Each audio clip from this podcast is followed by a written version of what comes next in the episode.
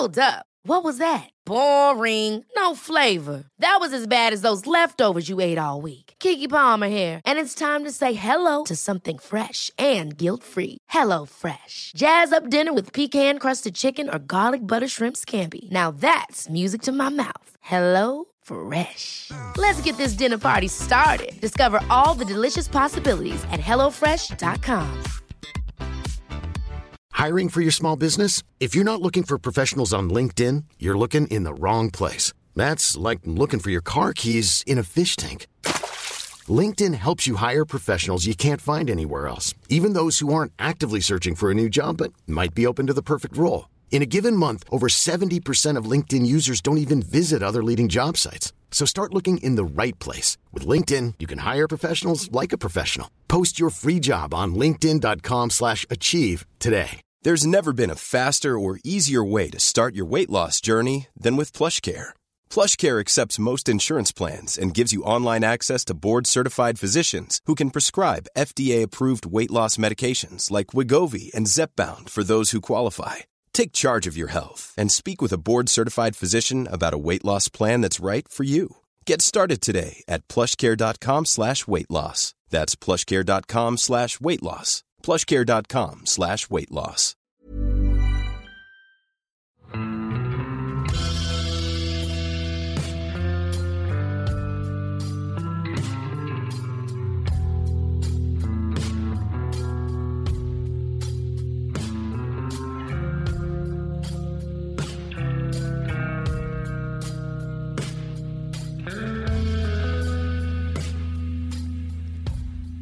Hjalmar Dale kom fra Mackenzie-floden, jeg fra skogene lenger mot syd.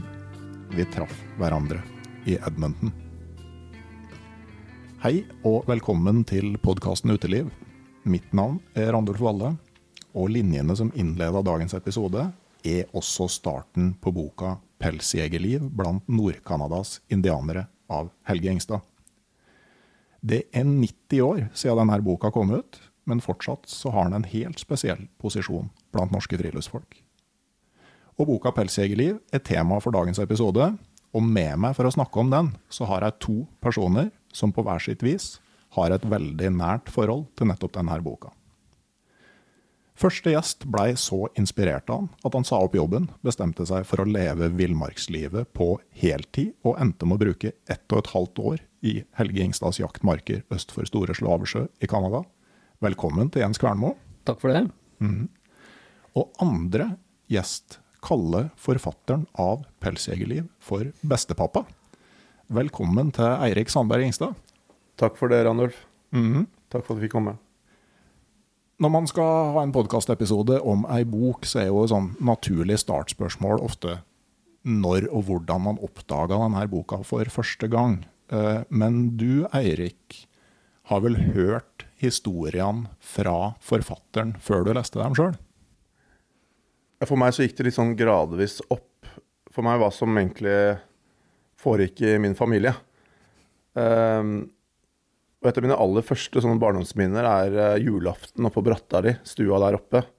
Sånn gammel tømmerstue uh, hvor uh, stearinlysene var tent, og det var julestemning, og vi satt rundt bordet, og mormor skulle komme og levere, eh, servere ribbe. Da husker jeg at bestepappa uh, lente seg over mot meg, jeg satt ved siden av han, og så sa han Har jeg fortalt deg om den gangen jeg holdt på å sulte i hjel? Og jeg sa nei, og, og, og, og så fortalte han at nei, du skjønner, jeg levde sammen med noen indianere inne på tundraen en vinter. Eh, og villrenen hadde slått feil, så vi hadde ikke fått noe mat, og vi hadde sultet i, eh, i, eh, i flere uker. Um, og så kom julaften, og vi satt i teltet. Men da var det en av indianerne som gikk ut og hentet en frossen reinmage i, ut av hundesleden og tok den inn i teltet. Og vi tinte den og kokte den på eh, i gryta der. Og han sa at det er, det er det beste julemåltidet jeg noensinne har spist. sa han. Og når du er liten, og jeg var kanskje tre, fire-fem år, så tror du i utgangspunktet det var en, eh, en spøk, og bestefar spøkte mye. Men gradvis så skjønte jeg jo at de historiene han fortalte, var, eh, var sanne. da. Og at han hadde levd et liv som ikke var helt likt de andre besteforeldrene som jeg kjente, da.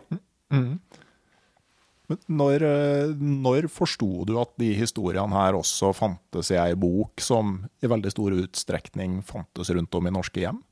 Det tok faktisk litt tid før jeg begynte å lese det. eh, lese boka. Eh, og eh, det var faktisk oppe i tenårene hvor jeg faktisk satte meg ned og leste boka. Og det var etter at jeg i 1989 ble med bestepappa tilbake til Anaktuvuk, der han bodde sammen med unamutene. eh, hvor de feiret uh, 40-årsjubileet for hans opphold der med dem. da. Det var tre dager med, med, med fest der oppe. Og da skjønte jeg Og jeg så liksom denne De møtte oss med svære plakater på flyplassen. Og, og, og, og han møtte noen av de, eh, de han hadde, som eh, hadde fangstet og jaktet med den gangen. Og da gikk det virkelig opp for meg at her, her, var, det, her var det noe spennende. Og etter det så leste jeg 'Pelsjegerliv' fra perm til perm.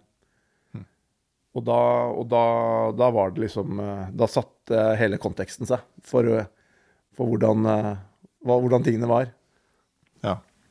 Eh, Men du da, Jens, husker du første møte med boka 'Pelsjegerliv'? Ja, jeg kjempa veldig godt. Det var, det var jo i kjelleren til min bestepappa, da, skal jeg si. En bestefar. Bestefaren min. Um, og det, han hadde jo mye gamle bøker, da. Altså Mikkjel Fønhus og alle de gamle, store villmarksforfatterne. Og, og Villmarksliv husker jeg òg, han hadde abonnert på. Og det var jo mellom de permene her at jeg fant fant, altså Jeg visste ikke, selvfølgelig ikke da, jeg var jo 13-14 år, jeg visste ikke hvem Helge Ingstad var. Han var jo, Da var han jo en av de alle permene, ikke sant, eh, med bøker. Um, men eh, jeg husker jo at det var et annet med 'Pelsjegerliv' og den tittelen som slo meg først. da.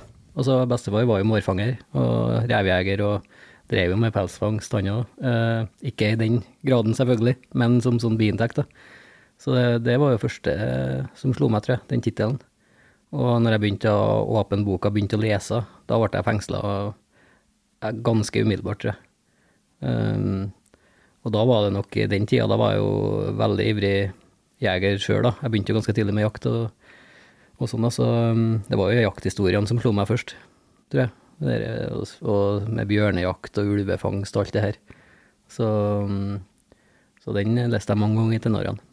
Og jeg tror nok det var også det var nok jakthistoriene som fengsla meg først, men etter hvert som jeg ble litt eldre, da, så tror jeg det var eventyret som liksom beit seg fast. da. Tenk deg for et eventyr det måtte ha vært.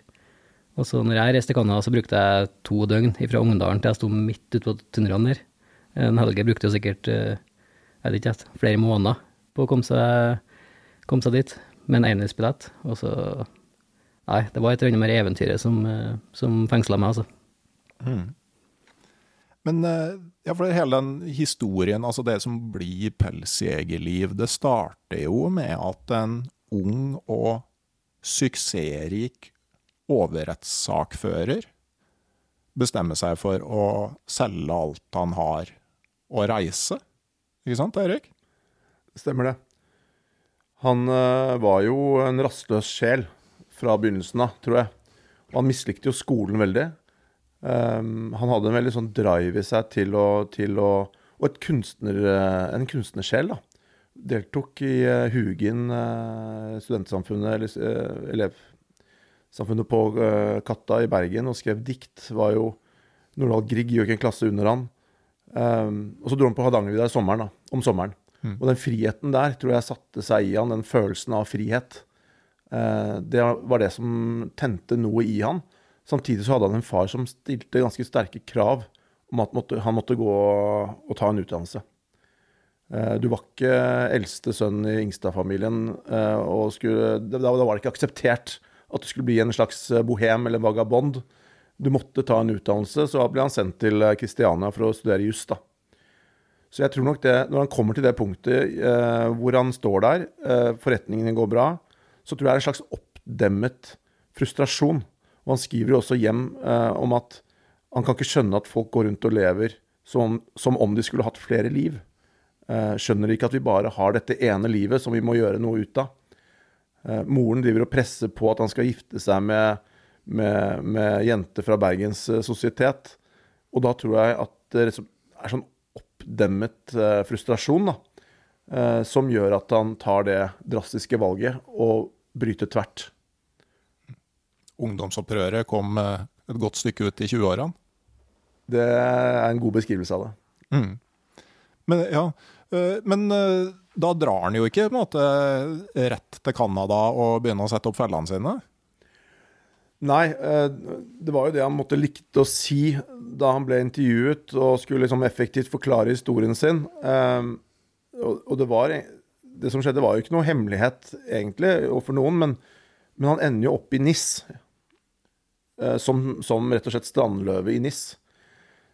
Det som er litt overraskende, som vi fant ut da vi begynte å grave liksom, i materiale, dagbøker og korrespondanse og sånn, eh, i forbindelse med at min mor skrev biografien, da, var at han var der i åtte måneder. Og da begynner det å bli litt interessant, fordi det var ikke denne lineære fortellingen, den derre direkte lengselen mot, uh, mot, uh, mot, mot Canada. Det var mye mer på lykke og fromme. Og i NIS så, så rykte han i en annonse i lokalavisen etter en fransklærerinne. Valgte den vakreste, vakreste av dem og, og satte seg i parken og konverserte fransk. Uh, og gikk på kasino i Monte Carlo og, og levde uh, livets uh, glade dager på da disse midlene han hadde skaffet seg ved å selge alt han hadde. og ikke nok med det, så var han jo på vei til et helt annet sted enn Canada. Fordi han, En kveld så hadde han møtt en norsk eventyrer, en norsk reisende som hadde vært i Mosambik og fortalte så levende om det at han dro og kjøpte seg en billett til Afrika. Og skulle bli en slags Livingston-fyr der nede. Men der sto det da en anger inni han. Uh, at, uh, og det er vel det at når du liksom har valgt noe som ikke helt stemmer med den lengselen du har inni deg dypest, uh, dypest inne, så, så, skjønner du hva som er det riktige. Og han, han får byttet den billetten fra Mosambik til Canada. Ja. Eh, kikka på, altså I den mors biografi så står det jo et utdrag fra et brev akkurat om den eh, prosessen her. Bare lese litt av det. sier jo om altså, litterære kvalitetene på brev på eh, hjem til familien var litt annet enn Messenger i dag, tenker jeg. Og Han beskriver at uh, jeg trakk fram mitt lommeatlas og studerte de fire verdensdeler for tusende gang. Jeg frøs og var i dårlig humør. Det var overhodet ingen omstendighet som oppfordret meg til å tilgodese den nordlige del av Amerika. Imidlertid, uten at jeg selv var delaktig i saken, befant jeg meg plutselig utenfor White Stars Canada shippingkontor. Og likeledes, uten at jeg selv kan tillegges ansvaret for det, hadde jeg ordnet ut med min Canada-billett, som jeg nå har i lommen. Jeg er nå meget lykkelig over mitt valg. det, var, det var bra kvalitet på brevet. Jeg tenker nå det er ikke så overraskende at han havna på ei strand i Frankrike. Da. Han var jo tross alt i sin beste alder, gutten. da. Jeg tror også det. 5-26 år og, og singel og mye penger. Så det er jo Jeg tenker det var en god vurdering, jeg. Å snuppe innom ei strand i Frankrike først, før han dro til Canada. Og det er jo første gangen han er i utlandet også, ikke sant. Altså det å komme ned dit og få de inntrykkene og leve livet der nede, det er klart at det frister. Ja, ja og det som er mest overraskende, er at han reiser derifra så tidlig. Men jeg tenker jo at det må ha vært veldig godt å ha i banken, liksom, når, du, eh, når, du, skal bo fire år eh, ja, ute på tundraen. Eh. Ja, altså, jeg angrer på at jeg ikke tok en sånn periode først, da. Eller rett etterpå. Ja, det var sånn som Alexander Gamme og han er Petter Nyquist han heter, de som etter å ha vært på sånne kalde og avsidesliggende steder dro på ekspedisjon til Las Vegas. Ja, det stemmer det.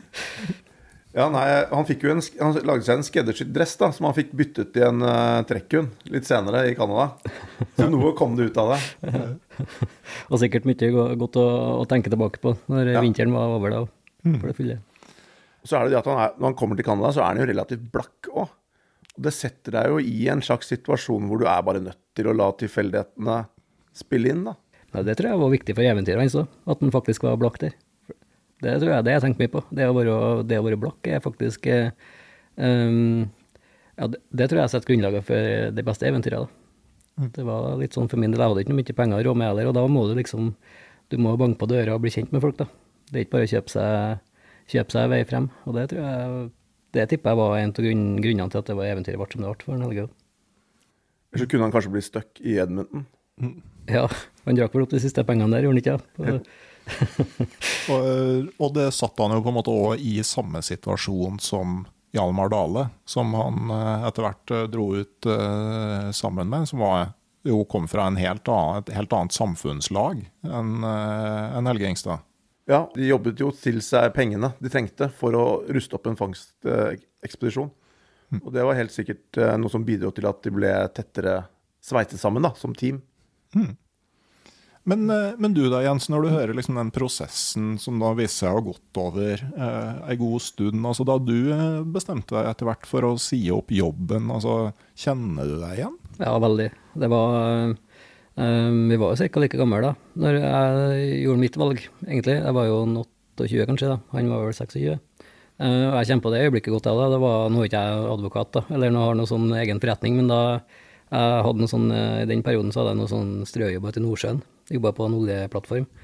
Um, for var, da tenkte jeg at eh, der kan jeg jobbe mest mulig og ha mest mulig fri. da. Og så jeg kan jobbe i perioder og ha mest mulig fri.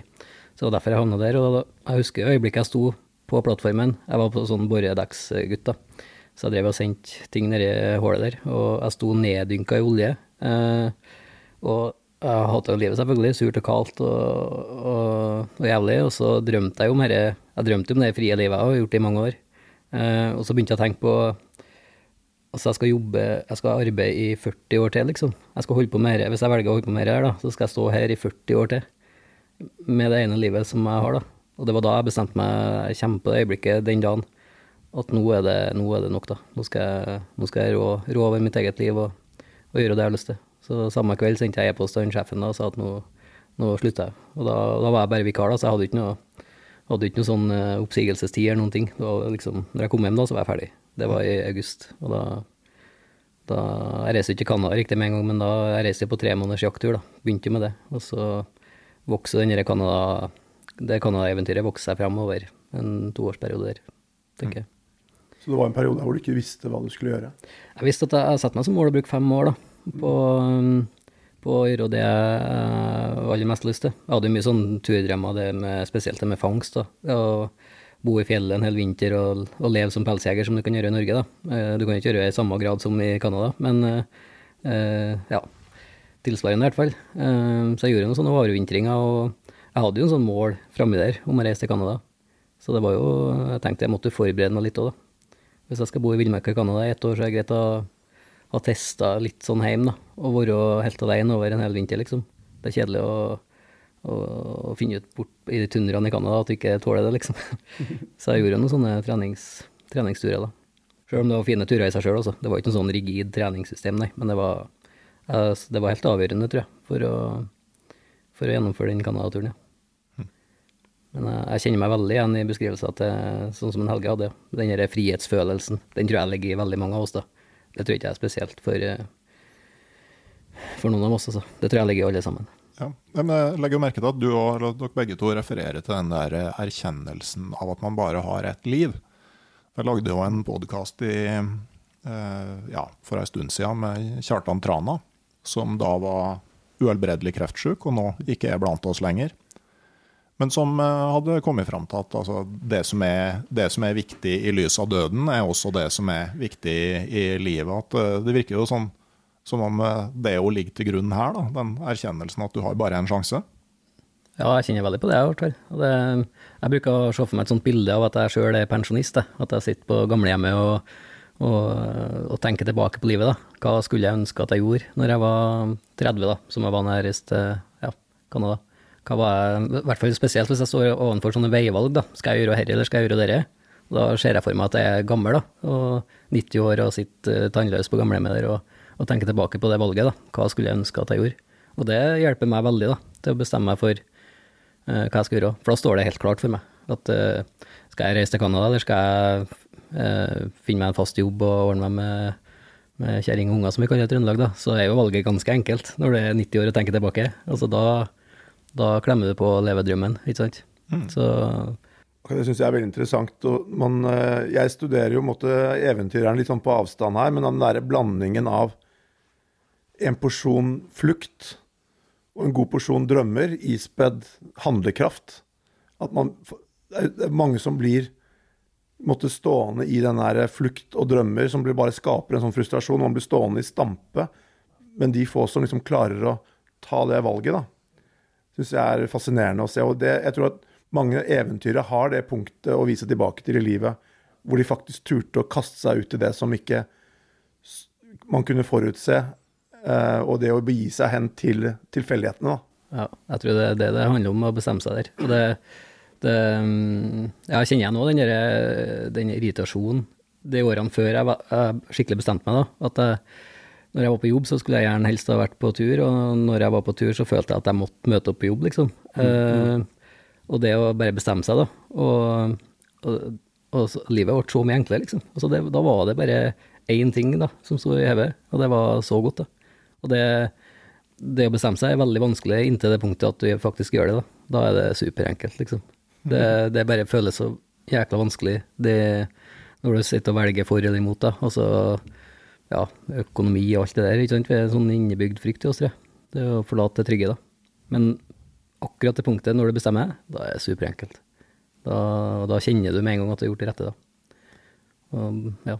Det, det gjelder jo, altså Man trenger jo ikke å si opp jobben for aldri å komme tilbake heller. altså Det gjelder Nei, nei, liksom sånn det der, avgjørelsen om å ta tre måneder fri Ja, og gjøre et eller annet. altså Det er skummelt helt til du har tatt avgjørelsen, og så har du bare ei sånn lang rekke med ting du må krysse av i og ordne opp i før du kan dra. og det store springende punktet er å bestemme seg. Ja, ja. Og det Ja, jeg skjønner jo at det er vanskelig, og det, det ligger jo i oss, men det Nei, det er bare å klemme på det, og det, når du har gjort det, så er livet helt ypperlig, altså.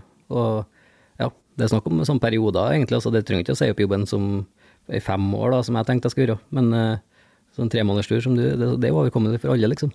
Det er bare å, å bestemme seg, og så Ja, som vi snakka i, lagde en episode med Monsen og Mattis, som også, de er jo familiefolk og har eh, ganske mye å, eh, som holder styr på. Men sier altså, hvis du begynner å planlegge fire år fram i tid, altså går det an at eh, mor eller far drar ut på eventyr fem uker om tre år? Det er klart at det går an, hvis du begynner å planlegge det i, i, i god tid. Så det går an å liksom ta med seg her på en på en litt annen skala enn for dere to som måtte, tok farvel med hverdagen en gang for alle.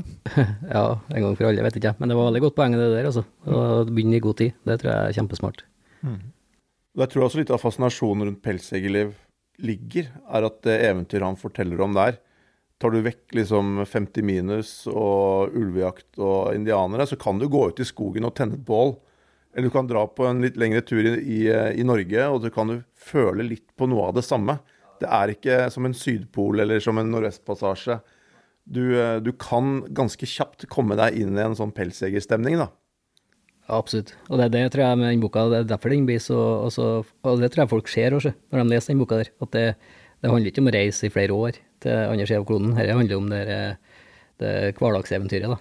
Det, det å ligge igjen med bålet og koke kaffe og, og koke deg kjøttgryte, liksom. Det kan du gjøre fint i Norge, altså.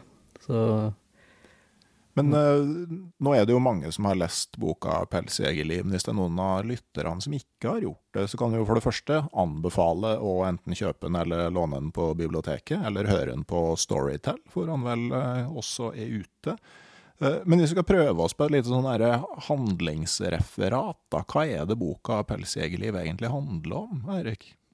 På handlingsnivå så handler det om, eh, om, eh, om eh, min bestefar som kommer til Edmundton, treffer Hjalmar Dale, og sammen drar de på, en, på et eventyr inn i villmarka, på jakt etter fangstområder på tundraen, hvor de skal fangste. Det tar en litt uventet vending idet de får vite av en indianer at det fins en gammel kanovei som de kan følge. De får risset inn et lite sånn kart på et uh, barkstykke, og så begir de seg opp uh, et terreng som er utrolig krevende, og antageligvis ikke ment for å gås i det hele tatt. Opp en motstrøms, en elv. Eh, og det blir høst, og, eh, og de finner ut at her skal de bare slå seg ned. Og de bygger en hytte rundt det de kaller Elgsjøen. Så det blir det første, første året hvor han sammen med Hjalmar Dale fangster der. Senere så får han innpass inn i en liten indianerstamme som kaller seg for Villreineterne. Og sammen drar de på langfart inn i, mot tundraen. Og dette var by the way det året som bestefar fortalte om på julaften, da, hvor de holdt på å sulte i hjel. Samme året så sulte også tre pelsjegere i hjel like ved Hornby- Hornby-ekspedisjonen. Det siste året tilbringer han eh, på, alene på tundraen eh, i fangst, eh, før han da drar hjem igjen og eventyret avsluttes. Det er kortversjonen. Mm. Hvilken del av historien liker du best, Erik? Nei, altså eh, Det er vanskelig å si. Altså, det er jo den første veien inn. Da syns jeg at liksom han, han, var, han, var, jo ikke utlært i dette pelsjegerlivet. Så det første vinteren med Hjalmar Dale beskriver han med en sånn nysgjerrighet og liksom åpenhet eh, for liksom de første inntrykkene. Så det er liksom favoritten min er jo litt den, eh, den beskrivelsen av, av, begynnelsen. Og også den derre De jobber seg jo oppover på den hjuldamperen og, og, og, hogger tømmer og sliter for å finansiere, finansiere denne fangstekspedisjonen, som er utrolig bra skrevet, rett og slett.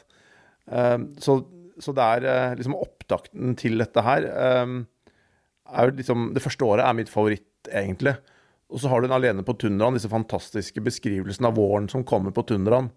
Og, og, og, eh, og, eh, og den biten av det, da, eventyret som tar slutt, som er altså en favorittbit. Men jeg tror også noe av fascinasjonen ved pelsdyrliv på et litt sånn dypere nivå, er fordi at det handler om en villmark som er i ferd med å forsvinne. Og det står jo liksom allerede i, på første side at uh, beskriver, han beskriver moderniteten som kommer inn. Uh, og uh, hva sier det? Altså, Edmundton er pionerbyen. Den er vokst frem av pelshandelens barske liv og har skrevet sitt avsnitt i Canadas historie om nybyggerfolket mot vest. Nå innvarsler den et nytt, kanskje det største, erobringen av det fjerne nord. Sivilisasjonen er i ferd med å trenge inn i villmarken. og denne grunntonen i Pelseggerliv om at han er inne i en uh, villmark som er i ferd med å gå tapt, det tror jeg er liksom noen den underbevisste fascinasjonen egentlig også. Og han drar jo inn i villmarken med kano og forlater det med fly. Så det er jo tydelig liksom beskrevet denne overgangsperioden uh, som han er en eh, del av, da.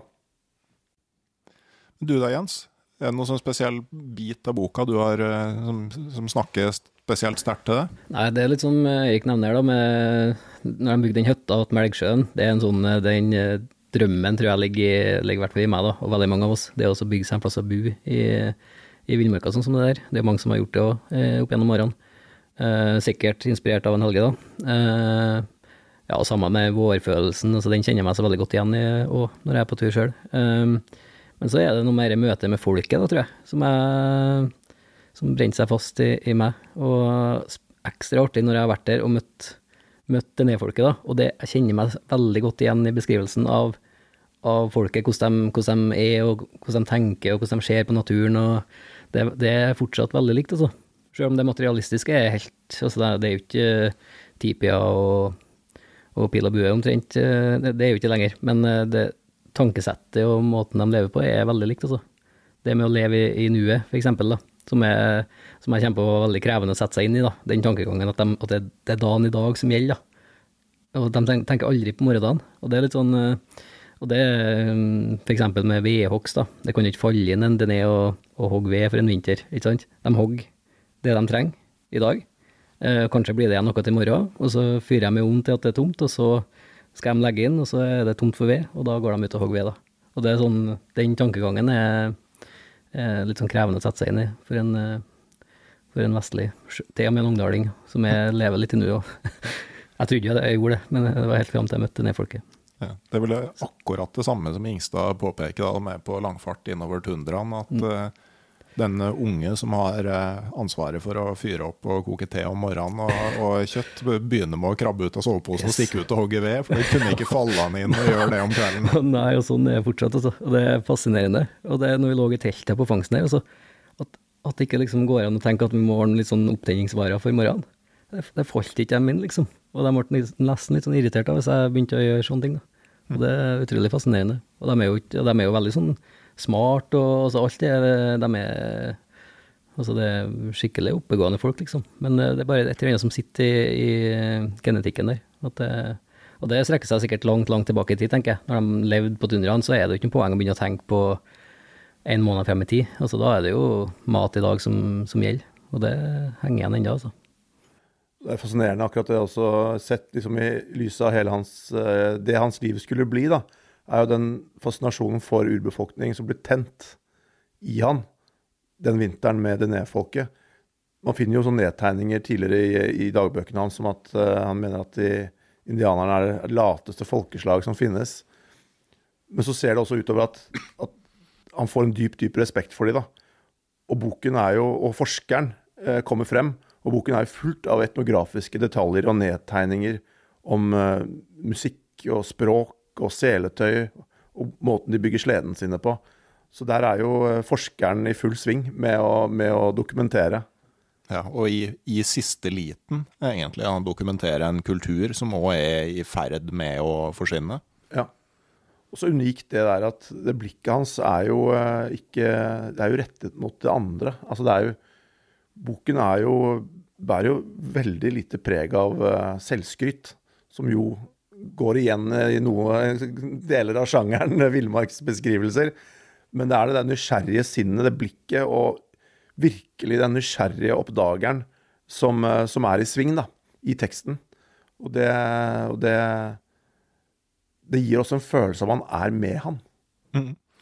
Ja, for når vi kommer til boka, altså den var jo en suksess fra første stund. Jeg mener at han var sitert på at det har vært en snill bok eh, mot, uh, mot forfatteren. Altså, den har solgt og solgt og solgt. Jeg prøvde å finne ut uh, fra Gyldendal en gang hvor mye den egentlig hadde solgt, men det var ikke så enkelt. Nei, det er umulig. Den har vært i kontinuerlig salg og trykk i 90 år mm. i år. Ja. Jeg husker jeg var ute og fløy her på Værnes faktisk her for uh, noen uker siden, og da sto Pelsjegerliv helt fremst i bokhandelen på Værnes flyplass, uh, på ark der. Helt fremst på den, liksom, den beste salgsboden, da, og helt fremst på bordet. Der sto Pelsjegerliv. Jeg tenkte, Nå fikk jeg litt sånn frysninger, kjente jeg. Men det, det, er stort, altså. Mm. Det er 90 år siden. Ja. Og fortsatt så er den uh, helt framme der. Men, men hvorfor for det. Jeg kan spørre deg først, Eirik. Altså, du jobber jo i media. Altså, du, du, jobber i NRK, jobber med å fortelle historier. Altså, hva tror du det er med den historia her som gjør at den har blitt så populær, og fortsatt fenger så lenge etter den ble skrevet? Grunnen til at denne skiller seg ut i denne sjangeren av litteratur, er at det er mange eventyrere som forsøker å bli forfattere. Mens bestepappa var en forfatter som forsøkte å bli en eventyrer. Og der tror jeg Det er det korte svaret. Han var eh, kunstnerisk anlagt. Eh, han, han, hadde, han, hadde, et fortellersinn og et talent for å fortelle. Um, og, det, og, det, og, han bruker litterære grep mm. for at dette her skal flyte. Noen, eh, Det har blitt sagt at eh, kunsten å kjede består i å, å fortelle alt. Og han er jo eh, sannferdig i sine beskrivelser, men han bruker også litterære grep for å la denne historien eh, fenge seeren. Eh, og, det, og det fenger leseren, mener jeg, selvfølgelig. Og det er liksom den store forskjellen, tror jeg. At han er bare rett og slett en innmari god forfatter. Mm. Og jeg tenker jo den bakgrunnen han hadde, altså fra, eh, fra gymnaset i Bergen med, med litteratur liksom, som var viktig, og lyrikk. Altså, jeg tenker at Tidene har forandra seg litt. Grann, altså når gymnasiastene driver og har lyrikkonkurranser og, og, og, sånne ting. Altså at det, eh, det, er en helt annen innfallsvinkel enn veldig mange andre som skriver tilsvarende ting. Absolutt var jo, han var jo også veldig stolt at han i en lyrikkonkurranse hadde slått den eh, ett år yngre Nordahl Grieg, som gikk i klassen under på katedralskolen. Så det var eh, det å være Det å være Beherske ord og kunne liksom skrive vakre, men også spydige dikt og mestre språket, hadde jo en helt annen status eh, den gangen enn det hadde, har i dag, da. Mm. Så, så der Samtidig så er, så er jo det som dette talentet med å kunne fortelle historier er også ha et eller annet som med lynne og Jeg tror det er noe man er født med, da. Et eller annet måte å se verden på som gjør at du klarer å bite det merke liksom, i detaljer. Det å, å, bruke språket til å fremkalle bilder hos leseren. Altså det er et uh, utrolig vanskelig og sjeldent talent. da. Mm. Veldig sjeldent talent, uansett medie. Om det er TV, eller om det er eh, lyd, eller om det er eh, skrevne ord. Og det talentet hadde han. Men samtidig så var han en ganske sånn motvillig eh, forfatter. Altså, faren hans virka å være veldig sånn eh, Pusha veldig for at det skulle bli bok fra oppholdet. Ja, han måtte dyttes inn i det. Og, og, og det er jo derfor han forlater eh, Canada. Eh, på et punkt i livet hvor han eh, mente at han var egentlig i ferd med å ja, Ønsket hans var å bli der mye, mye lenger. Kanskje resten av livet. Men så skriver jo faren at uh, nå må du komme deg hjem. Nå har du gitt legelivet en god sjanse. Så må du komme hjem og skrive en bok som kanskje vil komme deg til nytte senere i livet, skriver han.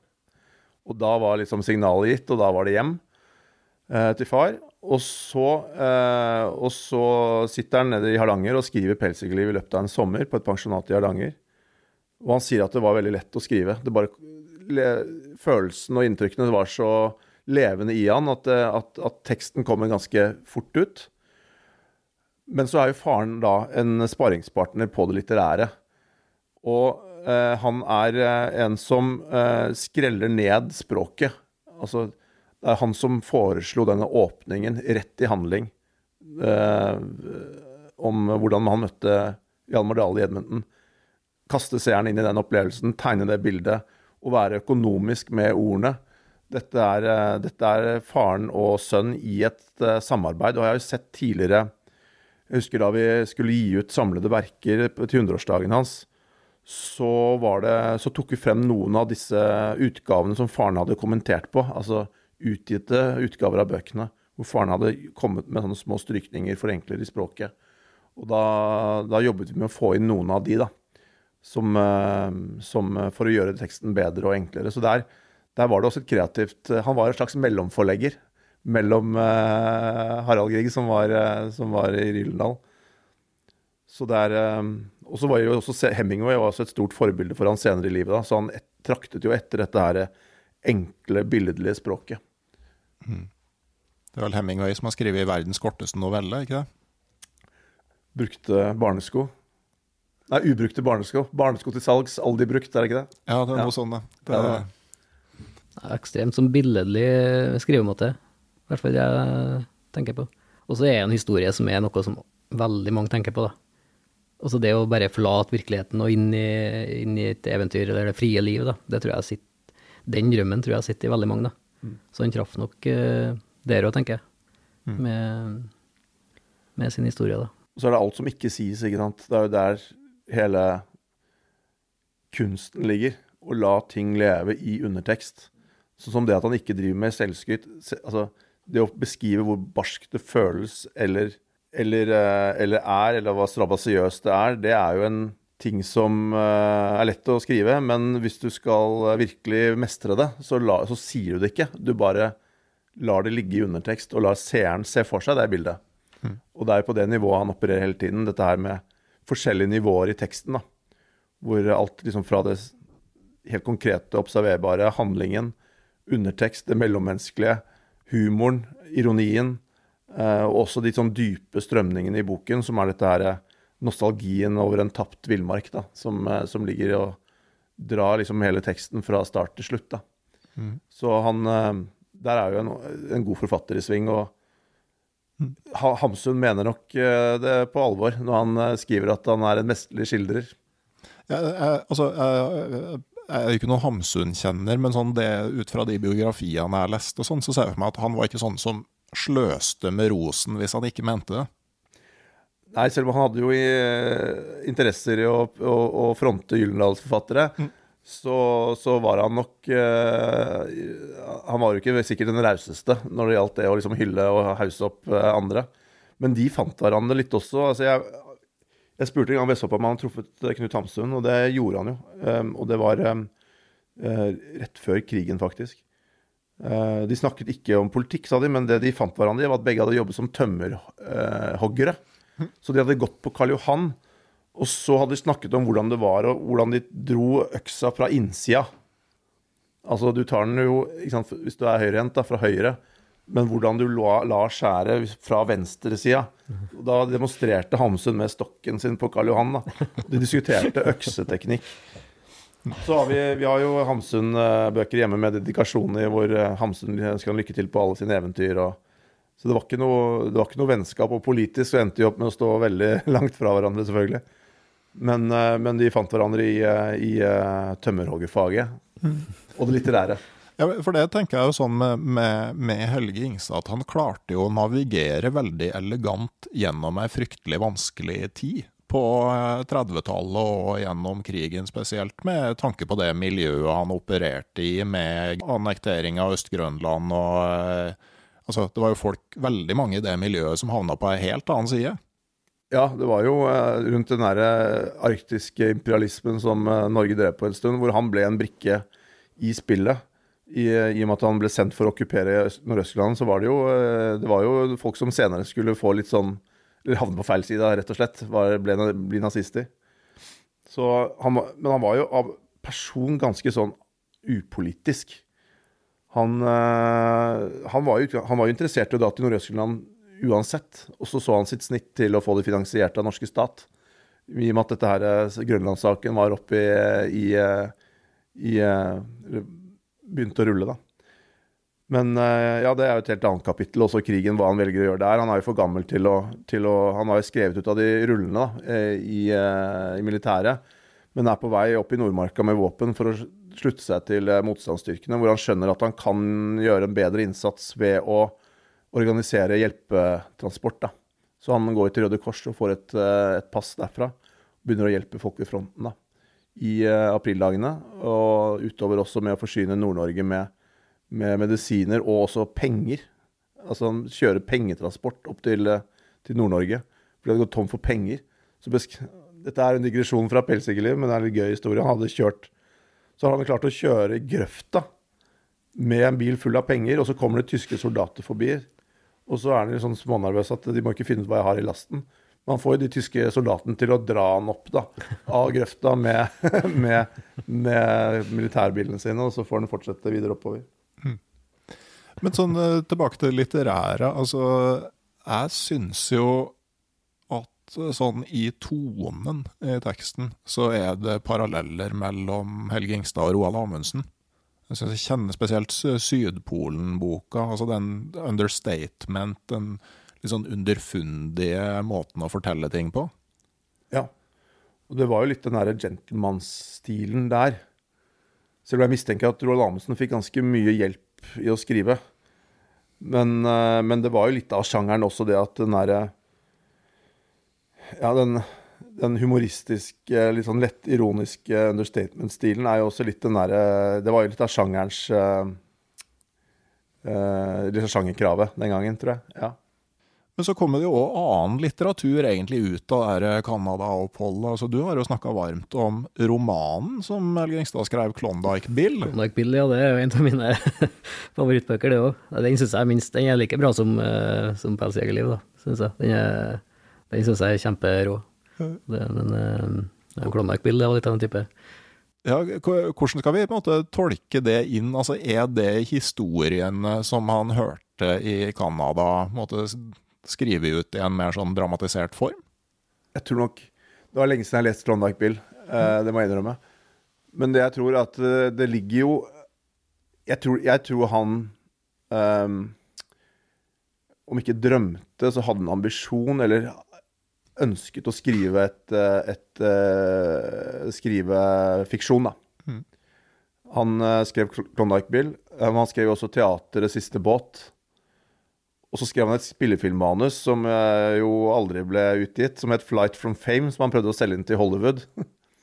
og han hadde jo venner i det litterære miljøet. altså Arnulf Øverland var en nær venn.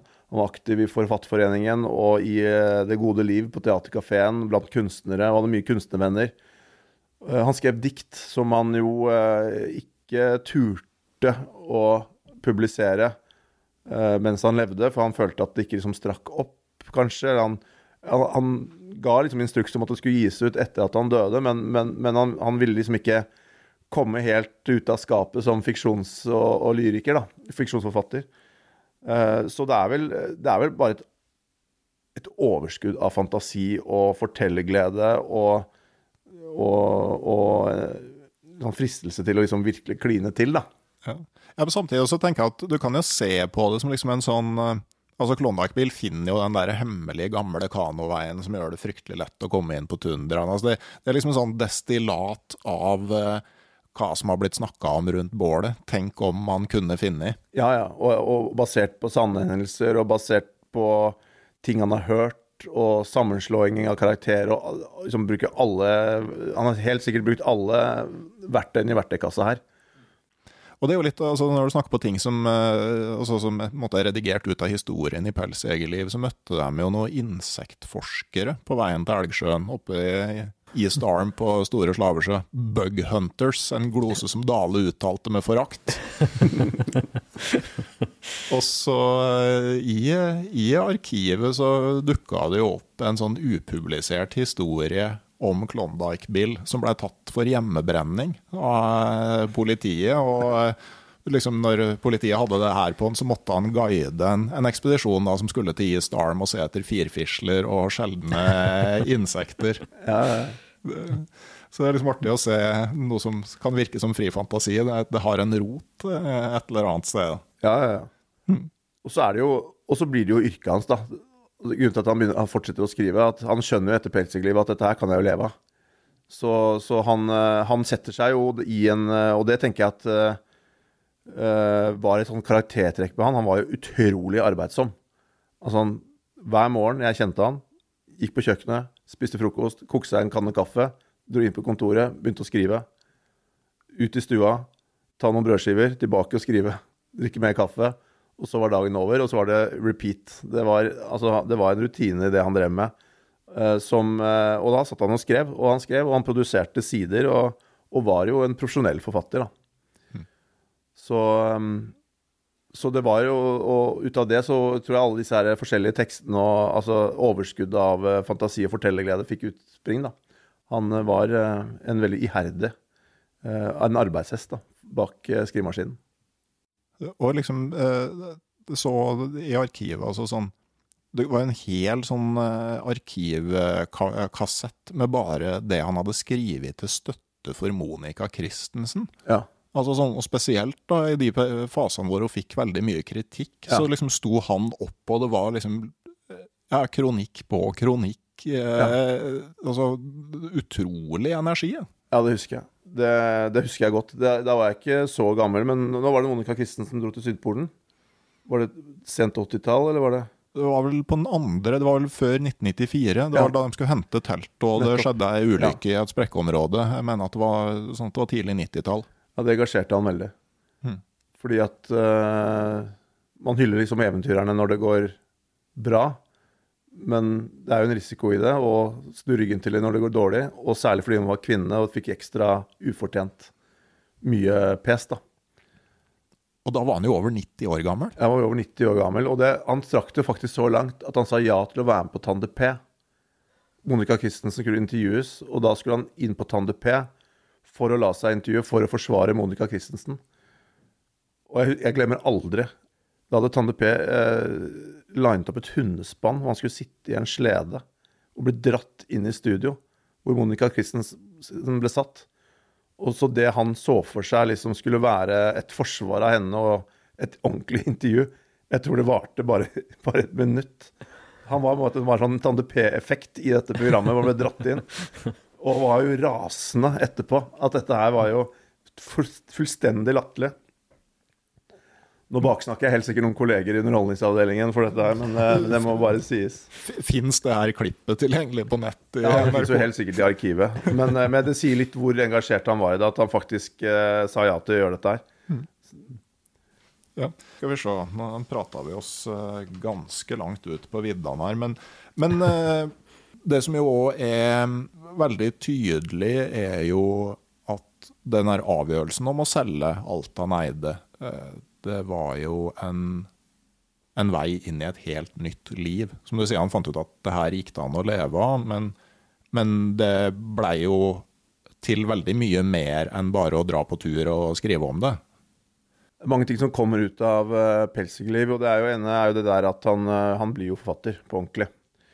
Um, han blir uh, han blir forfatter på ordentlig, men han treffer også, eller får kontakt, første kontakt med min bestemor, Anne Stine.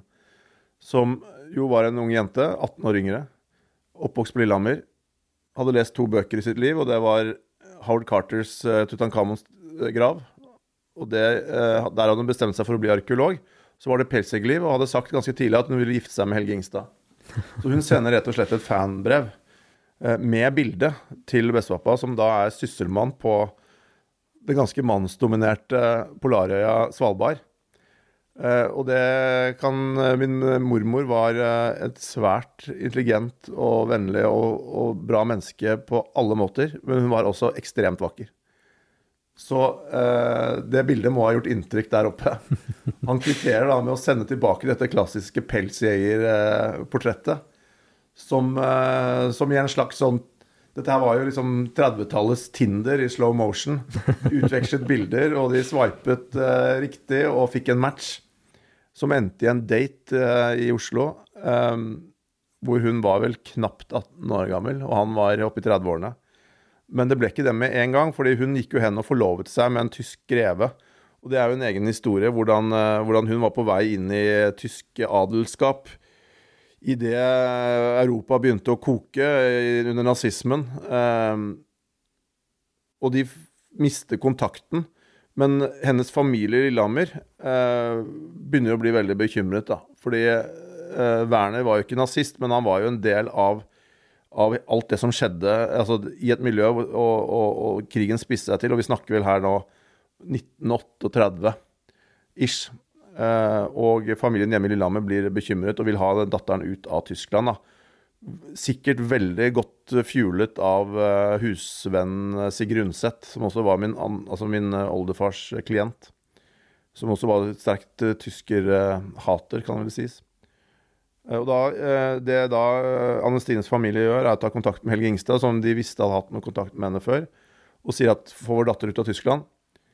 Bestepappa gjør, det han gjør da, er å hentet postkort av to steilende hingster, fjordinger, fra hingsteslippet på Stiklestad Nei, på i eh, Fra hingsteslippet oppe i uh, Nå står det stille. Sikkelsdalen. Sikkelsdalen, ja. Ikke sant? På det kortet skriver han 'intet som Norge', hilsen Helge Ingstad, og sender til Tyskland. Og resten av historie. Hun eh, kommer tilbake, og de gifter seg da etter krigen. Og får min, en datter, da, som er min mor, da.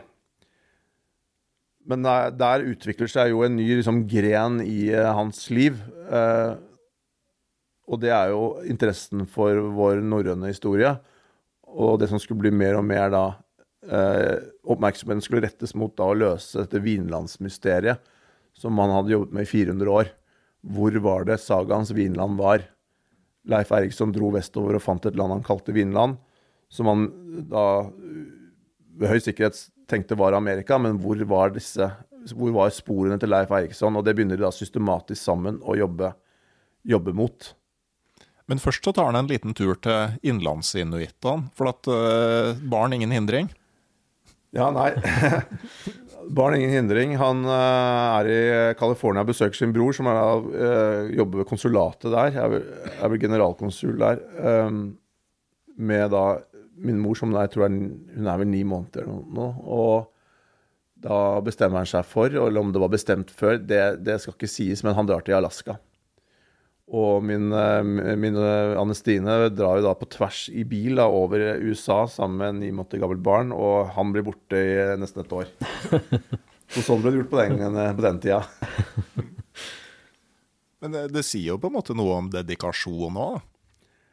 Det gjør det. Og så dedikasjon, det var det ikke noe i veien med der. Han var ganske målrettet. Samtidig som det var jo det han levde av, ikke sant. Han trengte eh, å skrive en ny bok, og eh, råstoffet til eh, bøkene hans var jo selvopplevde ting.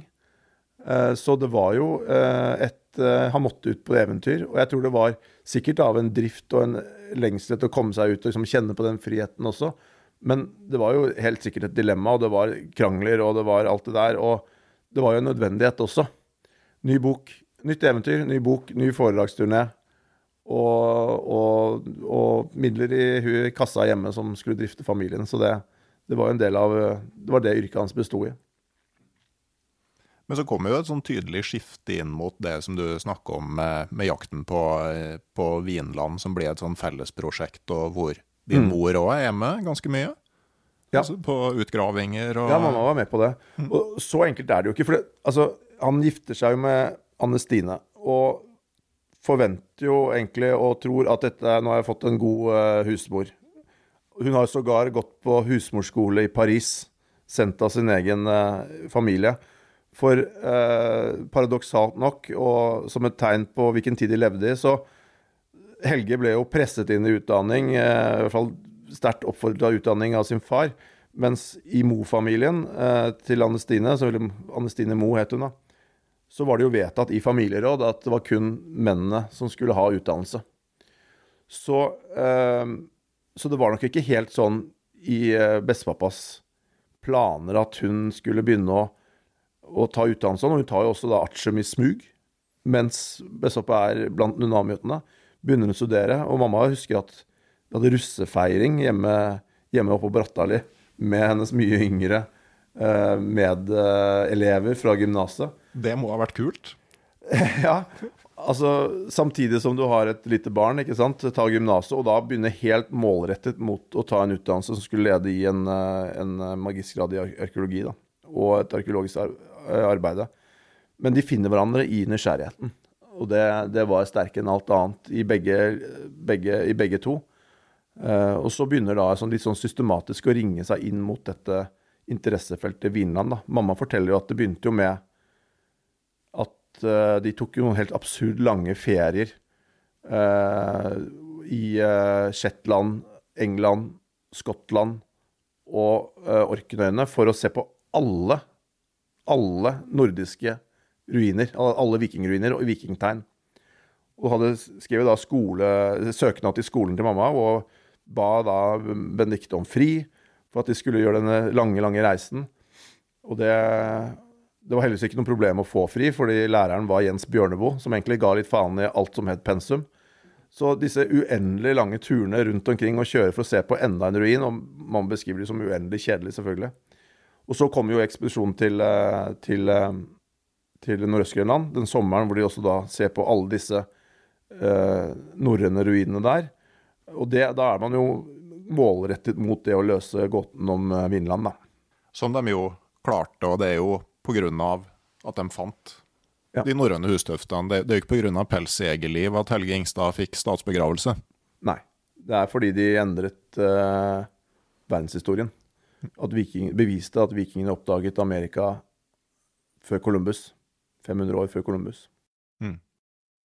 Anbefales eh, den uh, boka, det er vel 'Vestre veg til Vinland'? Den heter. Ja. Det, jeg hørte den opp igjen på lydbok nå i sommer. Det er jo et enormt arbeid som lå bak der. Ja. Og det, det var jo Dette var jo skrevet for uh, det brede publikum. Også på et tidlig tidspunkt hvor det vitenskapelige arbeidet ikke egentlig var fullført. Så det var jo litt sånn gnisninger mellom mormor og, og Det ble jo sånn press for mormor det at han drev og publiserte dette mens liksom dataene var analyse. Men det er jo en av de virkelig store populærvitenskapelige tekstene i, i norsk litteratur. Mm. Har du lest den? Uh, ja, jeg leste, jeg leste den nylig sist vinter, faktisk. Mm. Så halvår siden. Så det var, dere var på 60-tallet, var ikke det? Så den var jo, ja. var jo ja, over 60 år når han gjorde den turen her. Eller de årene ja, han begynte med utgravningen da han var 60. Ja, det... Så det var en slags pensjonistplan. ja. Det var en veldig god pensjonistplan, da. Det er ganske stort altså, at den forandrer altså, den, Det er ganske stort at du forandrer verdenshistorien på, på det viset der. Og, men det aller altså, det største bragden her er jo min mormor, mener jeg. altså det, Som kvinne å lede da denne internasjonale ekspedisjonen, når de gradvis finner ut av at dette er en av de største arkeologiske funnene i vår tid, eh, å stå der og da møte all den motstanden og alt det som oppstår i et akademisk miljø når du er i ferd med å grave ut dette her. Og, og jeg har vært på Lanzamedos på sommerstid. Det er ikke noe, det er ikke noe sydenreise, for å si det sånn. Det er ganske værhardt, og hun sto der og grov og, og, og jobbet i all slags vær. Det, hun var søren meg flinthard, altså. Ja, og det når du da hadde husmorskole fra Paris helt til du hadde fått barn. Da. Ja, hun var, eh, hun var sterk. Så det er jo kanskje for de som lurer på om det er for seint å ta det valget om å gjøre noe annet òg, så kan fortsatt ta en ny utdannelse og endre historiens gang. Jeg har jo en drøm om å innføre et nytt begrep i norsk språk, og det er å ta en Ingstad. det er å bryte Jeg prøver å liksom leke med å finne en definisjon av det. og det er, jeg tenker sånn, Å ta en Ingstad vil være å bryte med forventninger og hverdag og begi seg ut på noe ukjent, men potensielt eventyrlig. Mm. Er det den definisjon jeg foreløpig har kommet til, da? og da, da, er det både en Anne Stine Ingstad og en Helge Ingstad jeg tenker på. Ja, for det, begge de livene der har jo virkelig hatt ringvirkninger. Altså for når du ser uh, Ja, uh, det er Jens. Uten pelsjegerliv. Ja, nei, det er spennende å tenke på. Altså, han har jo, eh, jeg tror Helge Ingstad forma jo norske friluftslivet, tror jeg, faktisk. På, ja, fra 30-tallet, da. Altså, jeg tror ikke friluftslivet i Norge har vært det samme. Bare så over til Sverige, f.eks. Eh, der finner jo ingen, nesten, jo du finner noen da, men det er veldig få da, som går med sekken ut i umerka terreng i fjellet og bare ligger igjen med bålet og koker kaffe på kveldene. Det finner du nesten ikke i Sverige. Mens i Norge så står det eh, så sterkt, da. Og det, det, tror jeg du kan spore helt tilbake til pelsjegerliv, faktisk akkurat det der. Mm. Så blir en sånn akkumulerende effekt over tid, tenker jeg, at Ingstad inspirerer ja, sånn som Ragnar Thorseth, f.eks. Eh, og også det der, sånn med Thorseth, ikke sant? det med å kombinere eventyrlysten med kunnskap. Det at eh, altså, det skjer noe når du gjør begge deler.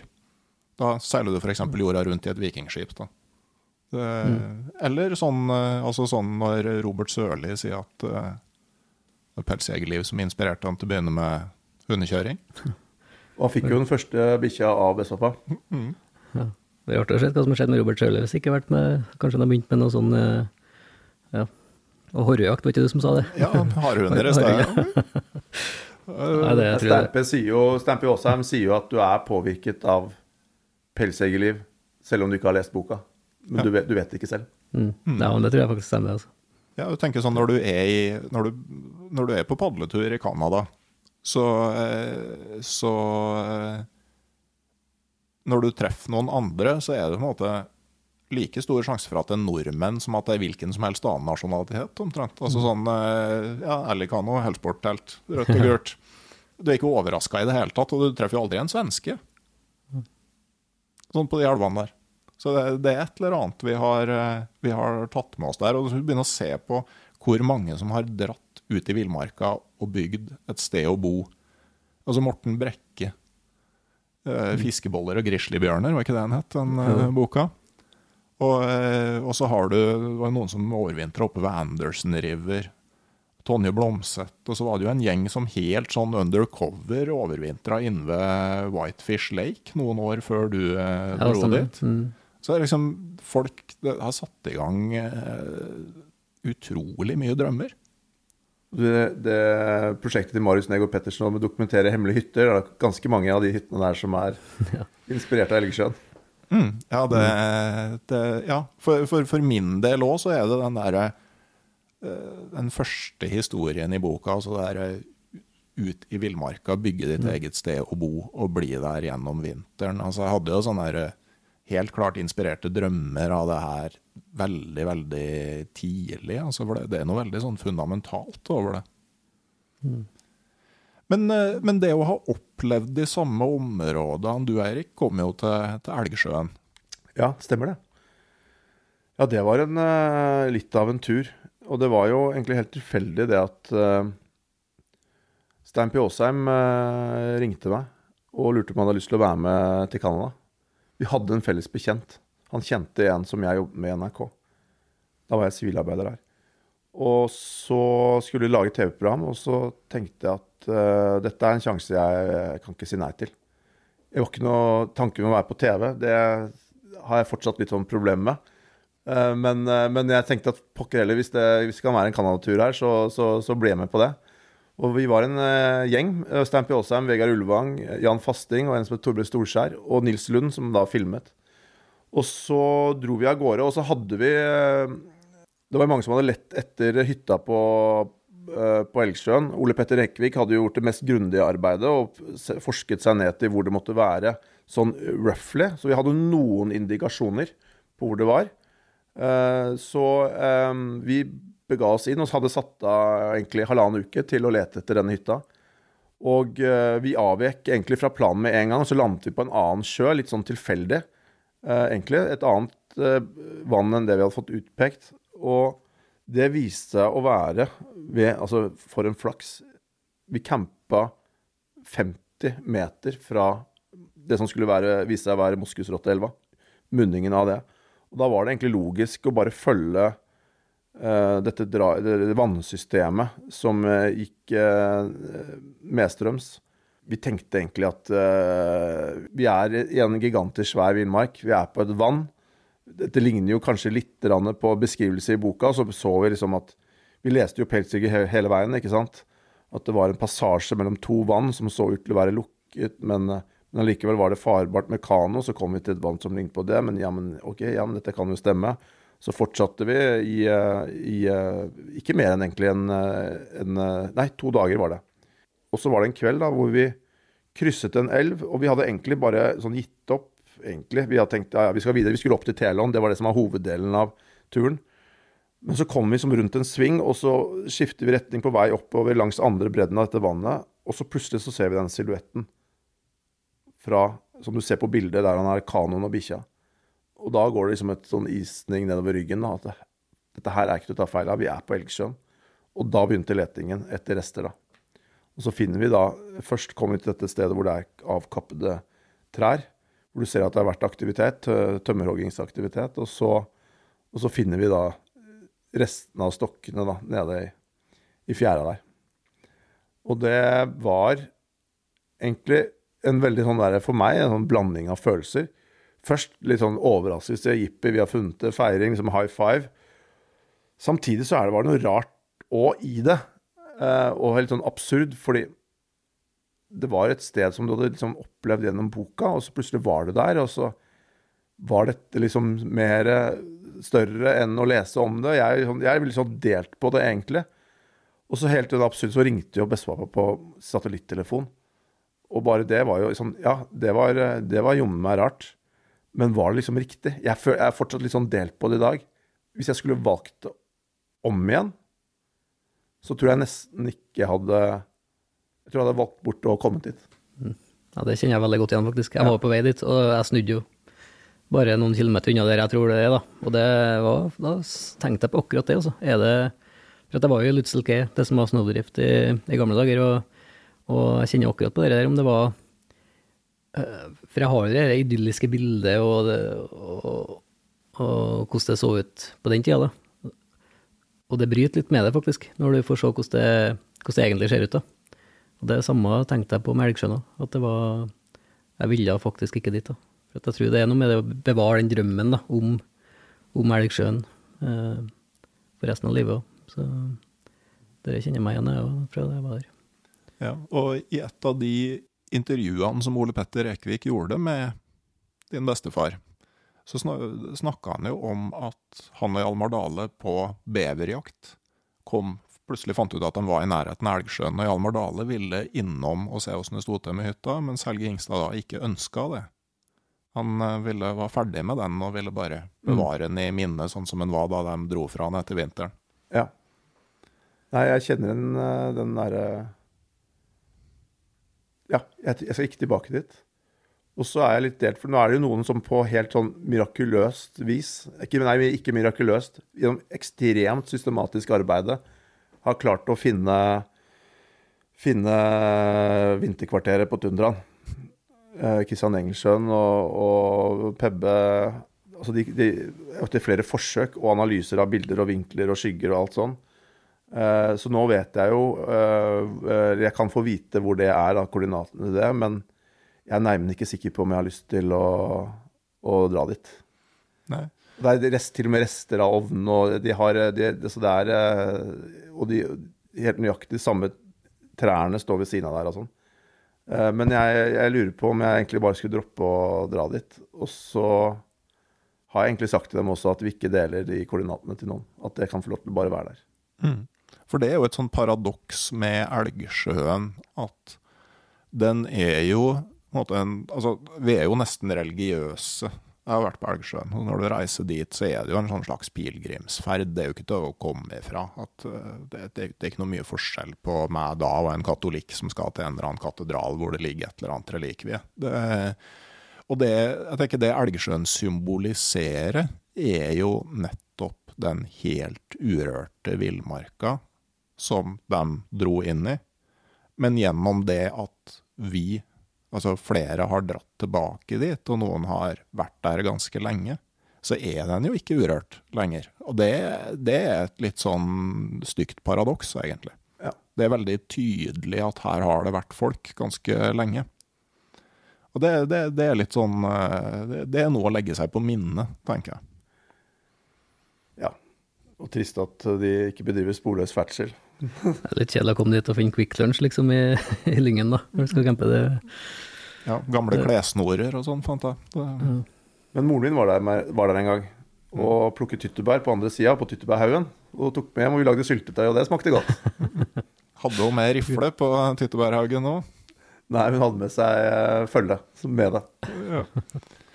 For det var vel der Ingstad titta opp fra lyngen og så rett inn i øynene på en bjørn. Ja. Ok. Men eh, når vi kom til årtusenskiftet, øh, så hadde jo bladet Villmarksliv, som på den tida var eh, hadde betydelig med abonnenter. De hadde en kåring av århundrets villmarking. Og der ble Lars Monsen nummer to. For den som vant, det var Helge Ingstad. Fikk han med seg det? Ja, ja. Mm. ja. Absolutt. Syns du det var moro, eller? Ja, ja, ja. Ja, det husker jeg. Altså, det var eh, Det var, eh, det var mye som skjedde akkurat den, den tiden der. Men eh, det husker jeg veldig godt. Mm. Det synes jeg var veldig stas. Ja. Mm. Så var det jo på 100-årsdagen han, han er jo da eh, født 30. desember 1899.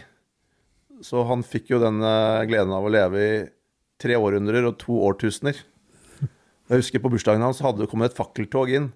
Så tok vi hele fakkeltoget inn i stua. Det var 100 mann som var eh, rundt der og feiret. Da. Så han, eh, det syntes han var kjempestas.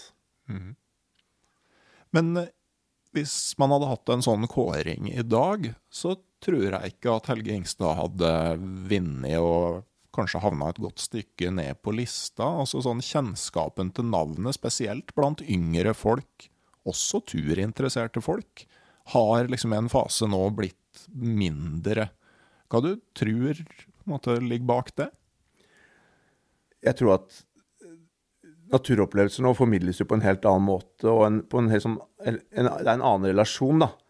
Og jeg sier ikke at det er noe galt i det hele tatt, og det er veldig, veldig, veldig mye fint med det, og inspirerende med det. at man kan følge en Instagram-konto til uh, noen som er ute på tur, og man får en annen sånn annen type relasjon gjennom hverdagen, og følger de mer tett på, da. Uh, og det er det som kanskje Hvis noen skulle bli kåret til årets villmark I en sånn kåring nå, så ville det vært noen som i hvert fall var til stede på den type plattformen og hadde den type relasjon til publikum sitt, da, tenker jeg. Så, så jeg tenker at eh, Nei, jeg tror ikke Helge hadde blitt eh, på topplassen, og det er egentlig ganske helt greit også. Jeg tror eh, Det som er jo fantastisk nå, er at det er jo flere unge enn noensinne som er interessert i friluftsliv. Eh, det er jo virkelig en av de store Jeg så Opinions sånn ungeundersøkelse som kom nå. Det er jo virkelig en av de store trendene blant unge folk er jo friluftslivet. Og for mange så er det sove i hengekøye i Nordmarka, eller kanskje dra på en fisketur. Men jeg tror alle de som får smaken på det, er på vei et sted. Og, og blir inspirert av å følge eh, Instagram-kontoer og den type ting. Men når du virkelig har gått et par steg, det er da, å komme dypt inn i det, da tror jeg Ingstad kan presentere seg for deg med, med, en, med pelsegeliv, og da tror jeg du er klar for det, da. Ja, og du, du er jo på en måte litt i gang med å mer aktivt promotere eh, bestefaren din nå. Du, du drar jo i gang en aldri så liten festival i anledning eh, 90-årsjubileet. Ja, det er, vi lager altså verdens eh, Det jeg påstår blir verdens beste stuebaserte villmarksfestival med streamingalternativ. Ingstadfestivalen.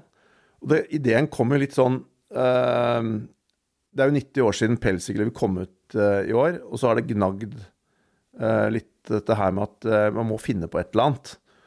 Et eller annet som markerer det. Vi, må vi kan ikke la dette bare gå forbi. da. Og så, og så møtte jeg Nils Lund, en venn av meg, han som var med og lagde det TV-programmet fra den Canada-turen i eh, 98. Eh, og han hadde, han eh, hadde gjennom korona drevet med streaming fra Norsk Teater. Eh, og så hadde jeg hørt av, av deg også, Jens, at du hadde hatt noen sånne streamingforsøk. Så tenkte jeg pokker heller, ja, la oss prøve det. La oss ta det gjennom i stua, og så har vi et lite publikum der. Men så lar vi alle andre også få komme og følge med på det. Og så spurte jeg Så lagde jeg en liste over hvem er det som liksom topp, var toppfolka. Og, og da, da kom listen ganske av seg selv. Eh, Jens med sitt prosjekt, som er liksom direkte inspirert av, eh, av, eh, av, av Helge. Og med urbefolkningen og Diné-folket og den historien der. Stein P. Aasheim, som er en god venn av meg, kommer og sa ja med en gang. Og skal jo faktisk holde Trango-foredraget sitt, som han ikke har holdt på 20 år. Uh, Liv Arntzen kommer, som jo også har dette formidlingsdimensjonen ved prosjektet sitt, som jeg syns kler dette veldig godt. Og så er det Børge Ausland sa ja, og skulle holde foredraget over, over Nordpolen i mørket. Som jo også er liksom ekstremversjonen av, eh, av, eh, av eventyrlyst. Uh, Men også inspirert av Helge. da. Han, eh, vi har jo, eh, I foredraget hans så begynner han jo det at han besøkte jo Helge eh, før han dro ut på ekspedisjon. Og det var jo et sånt nærmest sånn rituale som jeg tror mange hadde. Eh, Det var jo eventyrere. altså Folk som skulle på tur, kom jo til Helge Ingstad eh, for å fortelle om eh, turen sin. Og Det var en av de tingene han satte så utrolig pris på.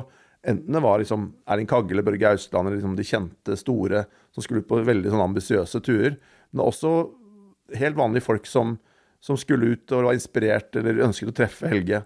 Og, det, og døra sto jo oppe altså på Brattali. Folk gikk jo bare rett inn og satte seg ned og begynte å snakke med han, og det syntes han var helt topp.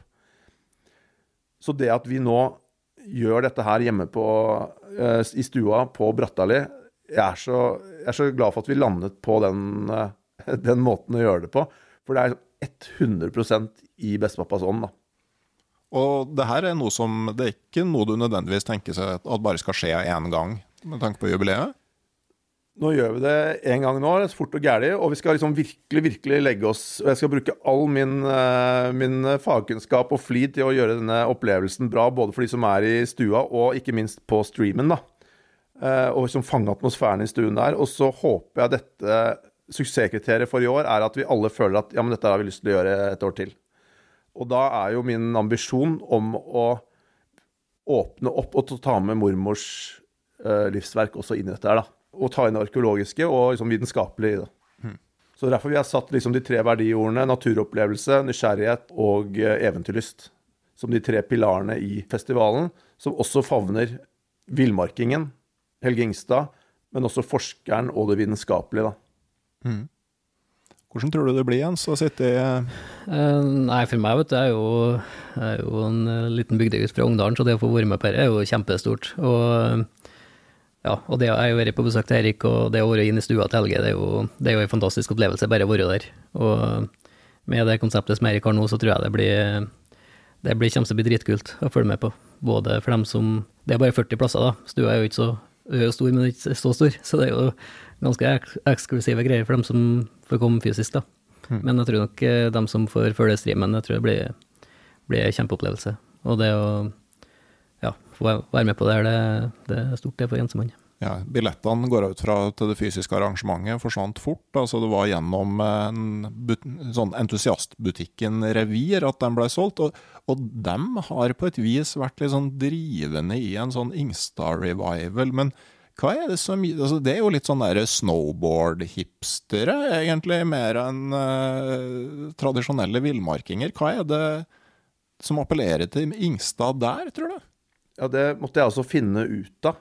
Eh, da de tok kontakt, så, så, så måtte jeg tok, måtte jeg, jeg bare, bare sa til Jon Harald vi må ta en prat, for jeg skjønner ikke egentlig hvorfor dere gjør dette her. Og da begynte han å forklare at eh, det dette handlet om, og liksom likheten og broen mellom eh, backcountry snowboard, eller altså entusiastdrevet snowboard Altså som, den snowboard-delen som ikke handlet om OL eller X Games eller den konkurransedrevne snowboarden. Det dette handler om, er det selvdrevne friluftslivet. Det å dra til Canada som pelsdyrgriv har en parallell med det liksom å tegne en linje på en fjellside med snowboard. Det å gå ut selv og oppsøke eventyret selv, det er det det handler om, da. Og da gikk det liksom opp for meg at eh, ja, det å liksom velge et liv som er liksom fra, på sida av det uforvente. det å tegne din egen linje liksom i pudderet, og det å være ikke minst i den derre ekstremt tette uh, Ha den ekstremt tette forbindelsen med naturen, da, som Helge beskriver. Uh, det er uh, det er en, en ting som forbinder de to tingene. Da. Mm. Og det så må jeg si også at det har vært uh, utrolig gøyalt, det samarbeidet. Å se at Ingstad og Pelsegerliv har fått et nytt publikum blant litt sånn urbane eh, hipstere. Og også andre kunstnere, snowboardere. Hele den der eklektiske gjengen som samles rundt revir, da, har, uh, har liksom omfavnet Ingstad og Pelsegerliv på en måte som er veldig sånn rørende og, og veldig kul. da.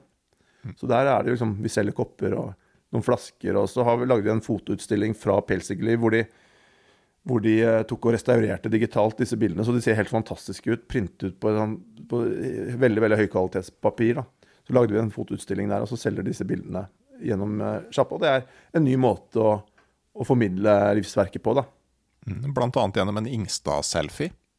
Ikke sant. Det fant, fant de i, i, gikk gjennom samlingen, så ser du et, det er ett bilde der han sitter med en øks, og så ser han rett inn i kamera så ser det litt uskarpt at det er en tråd som går fra kamera til han. Så han Han var jo liksom den første influenseren, egentlig, tenker jeg. Han var den aller første. Han var aller første i villmarksselfien. så hadde det vært i dag, vet du, så hadde han vært helt rå på sånne selfier på Instagram. og... Ja, hvem hadde han vært med, med Instagram, ja. Da hadde du liksom fått uh, ja, det... kamera snudd andre veien og ja, ja, det bildet liker jeg veldig godt. Det var litt artig. Ja, det er veldig, veldig kult. Og det er den derre det er så mange lag. Altså han, det er klart Han skal liksom presentere et bilde av seg selv, og han, han går inn med en ambisjon om å fortelle noe. Jeg, jeg fant disse passasjerlistene fra båten han tok over fra Liverpool til Canada. Og da har han jo skrevet inn 'journalist' i yrket. Du ser på mm. passasjerlista, så er det 'farmer, farmer, farmer', farmer, farmer, fordi alle skal ut i Canada og få gratis land. Ja. Mens han har skrevet seg inn som 'journalist'. Så at han, han går inn der med mål om å formidle noe av det han opplever. Mm. Det må vi jo kunne si at han hadde rimelig god suksess med. Ja.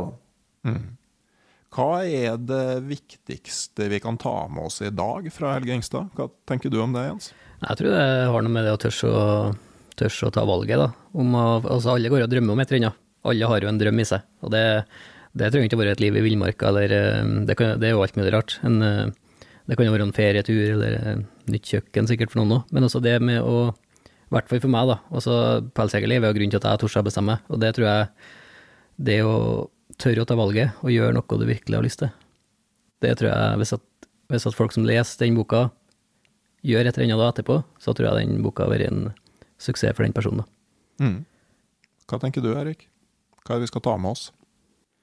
Det er jo den inspirasjonen at du kan ta med liksom det derre eventyr og den viljen til å kaste seg ut i det ukjente er jo overførbart til alle mulige slags situasjoner i livet sitt. ikke sant? At, eh, at det å omfavne usikkerhet, det å gjøre en handling uten at du har lina opp et sånn lineært løp på hvor du skal, eh, men går inn i det og omfavner tilfeldighetene, er jo en inspirasjon som jeg tror kommer til å vare eh, er udødelig. Samtidig så tenker jeg det at liksom, sett i et perspektiv hvor hvor menneskeheten liksom står litt overfor de, de, utfordringene vi gjør. Og i en moderne samfunn som bedriver rovdrift på, på planeten, så er det jo eh, det å eh, formidle en sånn nær eh, Det å, å, å inspirere til, eh, til eh, glede og kjærlighet for naturen, og nær forbindelse med naturen, er noe jeg tror vi alle trenger. Mm. Og kanskje de tre ordene du oppsummerer Ingstadfestivalen med, da, med naturopplevelser, nysgjerrighet og eventyrlyst? Det er kjærligheten til naturen, og så er det nysgjerrigheten gjennom vitenskap som skal eh, Altså, jo flere som følger nysgjerrigheten sin, eh, og prøver å finne Løse et problem, eller finne et eller annet som er skjult, eller oppdage et eller annet, eh, om det da ender opp i et litterært verk, eller om det ender opp i forskning, og forskning som kan hjelpe oss, så tror jeg liksom at det De tre ordene er liksom eh, essensielt, da. Ja. Men så tenker jeg jo at altså, de eh, representerer på et vis litt den eh, litt sånn eh, positive og den, eh, den eh, sida du drømmer om når du ser inn på en eventyrer.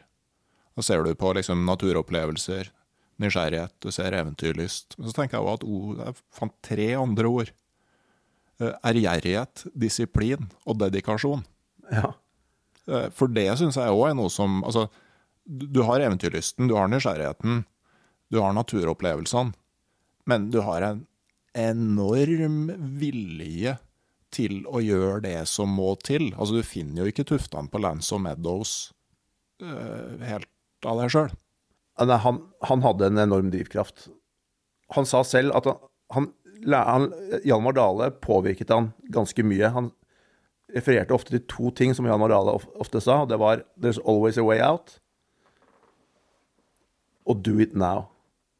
Hvis du skulle velge mellom å ligge i soveposen og utsette det du måtte gjøre, eller bare gå opp og gjøre det, så skal du alltid velge det. Alltid gå opp og gjøre det med en gang. Så den derre arbeidsdisiplinen og gjennomføringsevnen, den var jo helt sånn ekstrem i han, da. Og, og, og, virkelig helt til, det, helt til det siste, da. Og jeg fikk jo gleden av å være på noen turer eh, med han, og, og, fikk se litt sånn nære Vi dro til Kina sammen, og han var 94 år gammel. Eh, og han hadde en drøm om å dra på den kinesiske mur. Og han hadde hatt eh, da sitt andre lårhalsbrudd. Men det å se han gamle kroken av en mann slite seg opp de trappene eh, opp til muren for å stå på den kinesiske mur Altså det der eh, det, den, eh, den hjernen der var den, Han var ustoppelig, da. Så det er jo noe å tenke på, at eh, det ligger mye hardt arbeid bak sånne ting. Men, men eh, du da, Jens, altså, du snakker jo om eh, altså sånn, her, når du ser for deg valget ut fra at du sitter på gamlehjemmet, nye eventyr eller kjerring og unger. Er det ikke kult å ha noen barnebarn som stikker innom, eller satser du på å gjøre som Ingstad at det Ja, Nå er jeg så, blir jeg så gammel snart at jeg ender opp med en sånn ferdigpakke, vet du, så plutselig så går det fort, det der. Nei, men eh, Ja, det blir kult, det. Men jeg tror drømmen om eventyr er fortsatt litt sterkere enn eh, enn eh, A4-livet. Og så Det, det er jo det som er, vet du, når du reiser på en Når du reiser på Altså, jeg trodde jo dette var en sånn konto som etter hvert ble full, da. Ikke sant? Etter fem år så skulle jeg liksom føle meg litt sånn metta på dette med eventyr, og at jeg skulle liksom ha kjenne på det at nå er jeg klar for å slå meg til ro, da. Men det, det er jo motsatt virkning, egentlig. Og så for hvert, hver tur det er på, så genererer det fem nye eh, drømmer, da. Ting jeg har lyst til å gjøre. Og etter hvert som du reiser, så blir det, altså det blir bare flere og flere drømmer. Så det, kontoen der blir aldri full, faktisk. Så har du det ordtaket 'He who enters the north will leave his bones there'. Jeg tenker på, Det kjenner jeg meg veldig godt igjen i den Helge skriver òg, da. Det med at eh, altså, Jeg tenker på det livet hver eneste dag, liksom. Hver dag tenker jeg på, og spesielt den Ja, en ting var det pels, altså pelsjegerlivet borti her, da. Det med å, å stå på hundesleden med ulv i slede, liksom. Det var ja, helt magisk. Eh, og den turen over tundraen der, 1200 km med bikkjene. eh, ja, helt, helt eh, fantastisk, liksom. Og det frie livet der, det, det slipper aldri taket, da. Og det er, på et, det er nesten sånn at, man, at jeg ikke anbefaler folk å gjøre seg, for at da du blir liksom ikke kvitt det heller. Det, det er helt fantastisk liv. Så når man først gjør noe sånt, så er det, det Man er litt sånn bitt av, eh, bitt av basillen, da. Men jeg er veldig glad for at jeg tok det, tok det valget. Eh, Altså, jeg har jo gått for en litt sånn mellomløsning, med langt kortere turer enn deg, og du kjenner jo at det river. Altså, når du har sittet ved en av de store sjøene på Telon og titta utover og Men samtidig, altså nå jeg oppsummert her nå jeg har faktisk ikke vært på en toukerstur på ti år. Uh, men jeg tror ikke det hadde blitt noe lettere hvis jeg ikke hadde tatt de langturene da, liksom, da det var enklere å få til. Sånn at uh, det er godt å godt å liksom, En sånn karamell du kan suge på. Tenker på at man har, har gjort det, ja. Mm. Det kommer forskjellige faser. Jeg syns det er fascinerende akkurat det greiene der. At man liksom har lyst til å være der. Man har lyst til å fryse og, og leve det livet for alltid. Jeg fikk jo tekstmeldinger av han med bilder fra med ulver i sleden, og så skriver du at jeg kan ikke skjønne jeg, hvorfor jeg forlot dette livet her. det, så du er jo helt solgt, du. Ja, det er litt Nei, helt solgt ikke, men eh, det Så jeg tror jo at det er altså Grunnen til at det er sånn, da altså Nå er ikke jeg noe, noe sånn uh, astronaut, da, men jeg, jeg, kjenner på det når jeg er der og når jeg er hjemme. Altså, grunnen til at jeg tror du blir fengsla av det, det er for at det er, det er et helt ekte liv på et vis. da. Altså, du, du jobber for uh, basisbehovene dine hver eneste dag. Du står opp, og du må enten jakte fisk for å skaffe deg mat sånn at du kan ete deg mett, f.eks. Eller du må ut og hogge ved for at du kan holde deg varm. Og du må sørge for at bjørn og ulver holder seg unna, sånn at du føler deg trygg. Og det er liksom dagens gjøremål. da. Og det er helt sånn, det, det, du er ned på basisnivå, og det er da um, Det er det som gjør at du, du syns det er bra, tror jeg. For at uh, altså når jeg opplever sånn, den djupeste lykken, da, det er hvis jeg har vært skikkelig sulten over flere dager, ei uke, og så skyter jeg en bever, eller skyter et eller annet som gjør at jeg kan spise meg god og mett, da. Da sitter jeg med en sånn kjempelykke i kroppen, liksom. Og det er en sånn uh, kontrast til Heimer, da, så er alle basisbehovene våre dekka, egentlig. For så å si alle sammen, da, i landet her. Altså, vi jobber egentlig for sånn luksusgoder, og det tror jeg det, det er et eller annet der, da, som gjør at det livet er så fengslende, da. Mener jeg, da. Men uh, ja. Det har jeg filosofert meg fram til når jeg sitter alt med bålet borti, borti villmarka der. Så, mm. Jeg tror det er et eller annet der som gjør at det er så bra. Og det er helt fritt, da. Det er ingen som bestemmer hva jeg skal gjøre den dagen. Ingen som bestemmer når jeg skal stå opp, eller når jeg skal legge meg, eller Ja. Og så er det været som styrer om du skal jakte, eller om du skal ligge i teltet og lese Pelsjegerliv, eller hva du skal gjøre, da. Så er det, det er utrolig frihetsfølelse. Vi snakka om det, vi sitter på Stiklestad og tar opp der i, i Nord-Trøndelag, og det er en av de, det er vel årets første ordentlige snøfall. Jeg sa til Eirik her mens vi venta på det, at det her er sånn vær hvor Jens sier at i dag skal du bare sitte under tarpen og fyre bål, for hvis du begynner å forflytte deg nå, så blir du våt, og så blir du kald, og når du blir våt og kald, så begynner du å lengte hjem. Ja, faktisk. Helt sant. så i dag er en så typisk uh, ligge med bål eller Pelsjegerliv-dag. Men uh, tror du, Eirik, at uh, Altså, Helge Ingstad begynte jo med måte, et eventyr som minner veldig om det Jens har gjennomført her, men så blei det gradvis mye mer målretta og fikk helt andre altså, tilleggsdimensjoner, sånn som med søken etter Vinland. Altså, han var fortsatt på tur, men det var et helt annet prosjekt. Tror du han innimellom lengta tilbake til det pelsjegerlivet som på en måte var bare for sin egen del, og ikke for noe større formål? Nei, det tror jeg ikke. Jeg tror når han først eh, hadde bestemt seg og var på sporet sporet av Vinland, så tror jeg ikke han så seg tilbake. Det var jo det han selv også la mest vekt på. For da jeg kjente han, så var pelsgelivet en parentes. Det var, eh, det var, jo det vitenskapelige, og det var Vinland. Det var det som engasjerte han, og som han var eh, mest opptatt av. Men det var et startpunkt? Det var et startpunkt. Hmm.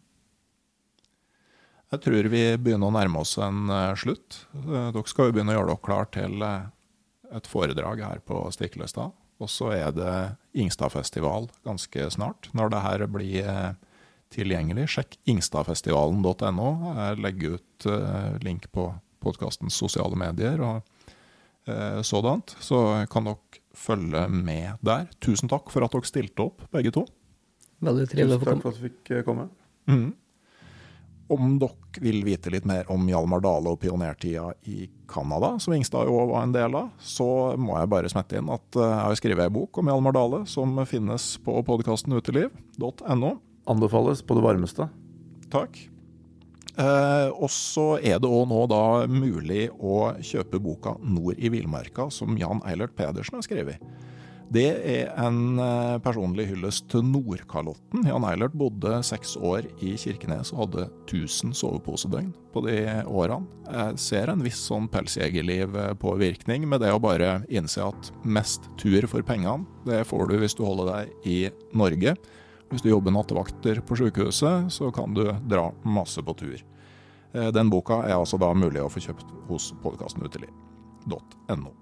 Som vanlig, tusen takk til dem som støtter podkasten på Patrion. Det digitale turlaget det øker stadig i eh, størrelse, og eh, det er mulig å få ekstrastoff til episoder og mulighet for påvirkning av spørsmål og tema. Det er plass til flere der også.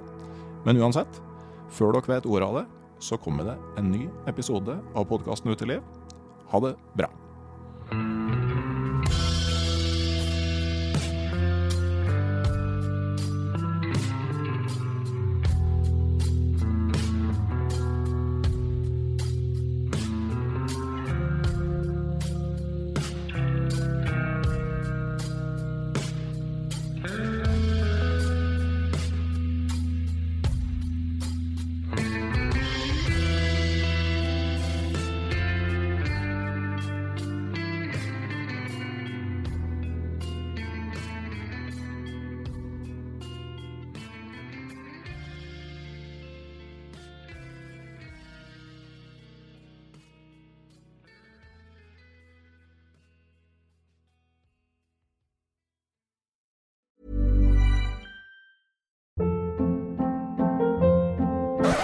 Up. What was that? Boring. No flavor. That was as bad as those leftovers you ate all week. Kiki Palmer here, and it's time to say hello to something fresh and guilt-free. Hello Fresh. Jazz up dinner with pecan-crusted chicken or garlic butter shrimp scampi. Now that's music to my mouth. Hello Fresh. Let's get this dinner party started. Discover all the delicious possibilities at hellofresh.com. When you make decisions for your company, you look for the no brainers. If you have a lot of mailing to do, stamps.com is the ultimate no brainer. Use the stamps.com mobile app to mail everything you need to keep your business running with up to 89% off USPS and UPS. Make the same no brainer decision as over 1 million other businesses with stamps.com. Use code PROGRAM for a special offer. That's stamps.com code PROGRAM. Hei, jeg heter Nore Helligsen og er daglig leder i Barents Outdoor. Det beste vi kan gjøre for planeten, er å redusere forbruket vårt og få mer ut av det utstyret vi allerede har. Men vi vet av erfaring at bruken av telt kan endre seg over tid. Det teltet du kjøpte for to år siden, passer kanskje ikke det behovet du har i dag. Derfor har vi i Barents etablert en egen panteordning der vi tar imot brukte telt av god kvalitet i innbytte når du kjøper et nytt av oss. Prosessen er enkel. På barentsoutdoor.no gir du oss informasjon om teltet du vil bytte inn.